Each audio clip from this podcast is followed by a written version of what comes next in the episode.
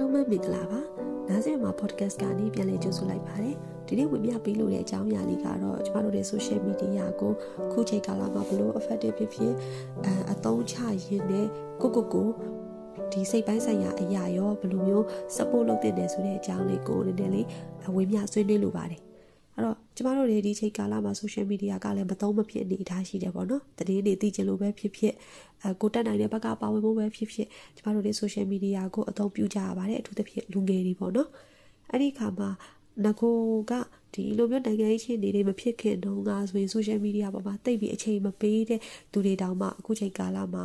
social media ကနေပြီးတော့ပါဝင်နိုင်မှုအတွက်ပေါ့နော်ဟိုပိုပြီးအချိန်ပေးလာကြရတယ်သုံးလာကြရတာတွေလည်းရှိပါတယ် အဲအဲ့ဒီခါမှာကျမတို့တွေကတချို့ site တွေတချို့ platform တွေ social media platform တွေကတော့ဟိုကိုကအကျိုးရှိရှိပါဝင်လိုက်တယ်အဲ့ဒီအချိန်တစ်ခုမှကိုပါဝင်လိုက်တယ်ဆိုရင်ပြီးသွားတယ်ဆိုရင်တချို့ social media platform တွေကြတော့ကိုက3ရင်3ရင်နဲ့အာကိုကိုတိုင်းလည်း emotional ပို့ဖြစ်လာတာတွေအချိန်တွေလည်းကုန်မမသိကုန်သွားတာမျိုးရှိနိုင်ပါတယ်မြန်မာနိုင်ငံမှာဆိုတော့ဒါ Facebook ဆိုလို့ရှိရင်အားလုံးကဒါ3ရင်နဲ့ဟို emotional တွေဖြစ်ကြရတယ်ဟိုမှာတတိချက်လက်တွေဆိုရင်လည်းအမားတွေလည်းရှိတယ်အမှန်တွေလည်းအများကြီးအများရှိရှိတယ်လို့ပေါ့နော်ဒီအမားတွေမှာဆိုလို့ရှိရင်လည်းကိုကဟိုမတိလိုက်ပဲနဲ့ဝေမျှလိုက်မိတာတွေပြီးတော့ကိုကိုတိုင်းလည်းဖတ်ပြီးတဲ့အခါမှာစိတ်ပိုင်းဆိုင်ရာအရာဒီတတိချက်လက်တွေပေါ်မှာအများကြီးစိတ်ခံစားမှုတွေဖြစ်လာတာတွေလည်းရှိတယ်ပေါ့နော်အဲ့တော့ ဒီဟာတွေသုံးနေတဲ့ Facebook မှာဆိုလို့ရှိရင်သူများရဲ့ဘဝတွေကိုပါမြင်လာရတယ်။ဥပမာကိုနဲ့တူတဲ့သူရှိမယ်။ကိုနဲ့မတူတဲ့သူတွေရှိမယ်။ဒီဟာတွေအပေါ်မှာလည်းအရင်စိတ်ခံစားချက်တွေပြင်းထန်လာတာရှိတယ်။တခါလေလမ်းချင်းတူနေပေမဲ့လည်းကိုနဲ့တချို့အတွေးလေးတွေမတူတာနဲ့တင်အဲဘယ်လိုပြောမလဲဒီ aggressive ဖြစ်နေကြတဲ့အတွက်ကြောင့်ပေါ့နော်ဟိုနည်းနည်းတင်းမာမှုလေးတွေလည်းဒါရှိလာတယ်အဲ့ဒါတွေကလည်းဘာရမဟုတ်ပါပဲနဲ့အချိန်တခုကြာလာတဲ့အခါမှာ ဒါကိုယ့်ရဲ့ဘဝရောဒီကိုယ့်ရဲ့စိတ်ပိုင်းဆိုင်ရာအရာကိုရောဒါတက်ရောက်မှုတွေရှိလာပါတယ်ဒါကြောင့်မို့လို့ကျမတို့တွေဒီဒီ social media ကိုဘယ်လို effective ဖြစ်ဖြစ်အဲကိုတွေအသုံးပြုကြမလဲပေါ့နော်ကျမတို့တွေအကြံပြုလို့တာဆိုလို့ရှိရင်ပေါ့ဒီ social media ကိုသုံးတဲ့အခါမှာကိုက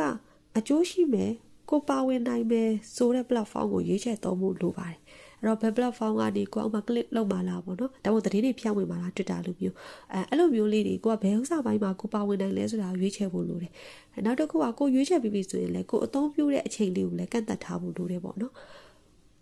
ဘာလို့လဲဆိုတော့ကျမတို့တွေအချိန်ပြည့်တာကိုတော်တော်ကြည့်နေပြီးနေမထင်လိုက်ပဲနဲ့ကိုဒီတွက်လုပ်နေမယ်ကွတခြားဘက်မှာကွဒီ social media ကိုဆွဲသွားတာမျိုးတွေလည်းဖြစ်တာ哦အဲ့ဒါကြောင့်ကျမတို့ဒီ social media ကိုသုံးတဲ့အချိန်လေးတွေကိုလည်း control လုပ်သင့်တယ်ပေါ့နော်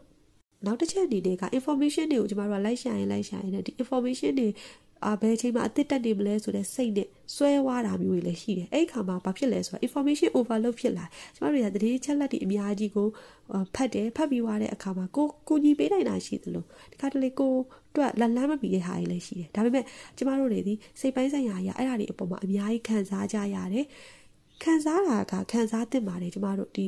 ဟိုသူများရဲ့အများကြီးပေးဆက်ထားတဲ့အချိန်မှာကိုရီအတွက်စိတ်ပိုင်းဆိုင်ရာအရာခံစားတာကိုတော့ဒုက္ခတစ်ခုတွေနဲ့တော့မဖော်ပြဖော်ပြရတာအစီပြေပါမလားလို့တော့တွေးမိတယ်ပေါ့နော်သို့တော်လေတစ်ခါတလေကြတော့ကိုမလုံနိုင်တဲ့အရာကြီးအပေါ်မှာအရန်ဝမ်းနေပြီးတော့ကိုကခံစားနေမယ်ဆိုလို့ရှိရင်လည်းတစ်ဖက်မှာကိုကူညီနိုင်မဲ့တရားဒီမှာအများကြီးအားရော့သွားလဲဖြစ်စေနိုင်တယ်အဲ့တော့ ဘဒုအတွက်မှအကျိုးမရှိတဲ့အလုပ်ကိုလုပ်နေမဲ့အစားတော့တယောက်ယောက်အတွက်တစ်ခုခုအတွက်အကျိုးရှိသွားစေနိုင်မဲ့လမ်းကိုရွေးသင့်တယ်လို့ထင်တယ်ပေါ့နော်အဲ့ဒါကြောင့်မလို့ကျမတို့တွေကိုတက်နိုင်တဲ့ဘက်ကဘယ်လိုအကောင်းဆုံးပါဝင်ရမလဲဆိုတာလေးကိုတွေးပြီးတော့ပါဝင်သင့်တယ်လို့မြင်ပါတယ်ဒါကြောင့်မလို့ information တွေကို absorb လုပ်တဲ့အခါမှာလဲကိုသိတဲ့နဲ့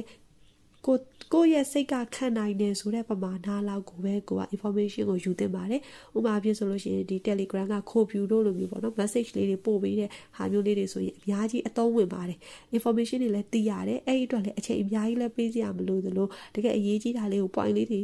အချက်လေးတွေလောက်ပဲဖော်ပြထားတဲ့အတွက် ဘယ်ဟာအရေးကြီးလဲကိုသိချင်တဲ့ဟာဆိုလို့ရှိရင်တသက်ရှာဖတ်တာမျိုးလဲလုပ်လို့ရတာပဲလीနော်အဲ့တော့အဲ့ဟာလေးတွေကအများကြီးကိုယ့်ရဲ့စိတ်ပိုင်းဆိုင်ရာအတွက်ကိုကိုယ့်ရဲ့ဒီ effective ဖြစ်ဖြစ်ကိုလုံးမဲ့တခြားအရာအတွက်ကိုအချိန်ရော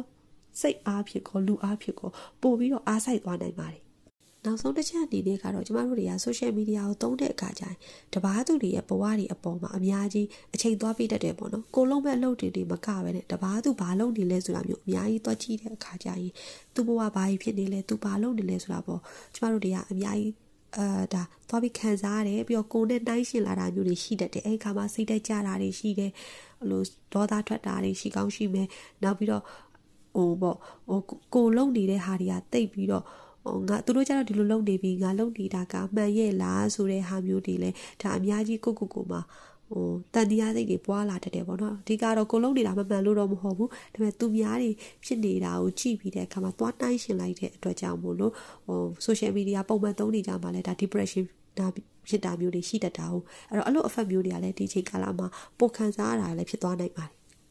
ဒါကြောင့်အခြားသူတွေရဲ့ဘဝနဲ့ သွားကြည်တာမျိုးတွေလိုက်ပြိုင်တာမျိုးတွေကိုလည်းတနိုင်တဲ့လောက် short တင်ပါတယ်အဲ့လို platform ဥမာဖြင့် Facebook လို platform တွေဆိုလို့ရှိရင်တိတ်အကျိုးမရှိဘူးဆိုရင် short သုံးပြီးတခြားဘက်မှာပိုအားစိုက်တာမျိုးတွေလည်းလုပ်တင်ပါတယ်အဲ့တော့ကျွန်မအချင်းချုပ်လေးပြန်ပြောပါမယ်၄ချက်ပေါ့နော်ပထမဆုံးတစ်ချက်ကတော့ကျမတို့ကိုနဲ့တင့်တော်တဲ့ social media platform ကိုအကျိုးရှိရှိပါဝင်နိုင်မဲ့ social social media platform ကိုရွေးချယ်ပါနံပါတ်1ကတော့အဲ့ဒီ platform ပေါ်မှာကိုဘယ်လောက်အချိန်ပေးမလဲဆိုတော့ကိုယ့်ရဲ့အချိန်ကိုသတ်မှတ်ပါ control လုပ်ပါပေါ့နော်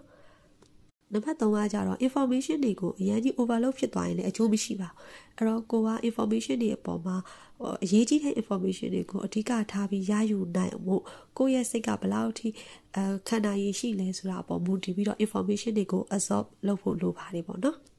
နောက်ဆုံးနံပါတ်၄ချက်ကတော့ social media မှာအသုံးပြုရတဲ့တခြားလူတွေရဲ့ဘဝနဲ့နှိုင်းယှဉ်ပြီးတော့ပေါ့နော်ဟိုကိုကိုကိုစိတ်ဓာတ်တွေကြာလာတာစိတ်အားငယ်လာတာအဲ့ဒါတွေမဖြစ်အောင်လဲတနိုင်သလား မောင်တိုင်းရှင်မိအောင်ပေါ့နော်ရှောင်ကြည်သင့်ပါတယ်အဲ့လို platform တွေကိုလည်းသိမသုံးဖြစ်တာပိုကောင်းပါတယ်အားလုံးပဲနားဆင်မိတဲ့အတွက်လည်းကျေးဇူးအများကြီးတင်ပါတယ်ကျွန်မပြောတာတွေထဲမှာထပ်ဖြစ်နေတာမျိုးရှိသွားရင်ဒါမှမဟုတ်သဘောမတူတာမျိုးရှိလို့ရှိရင်လည်းအာဆွေးနွေးလို့ရပါတယ်ကျေးဇူးအများကြီးတင်ပါတယ်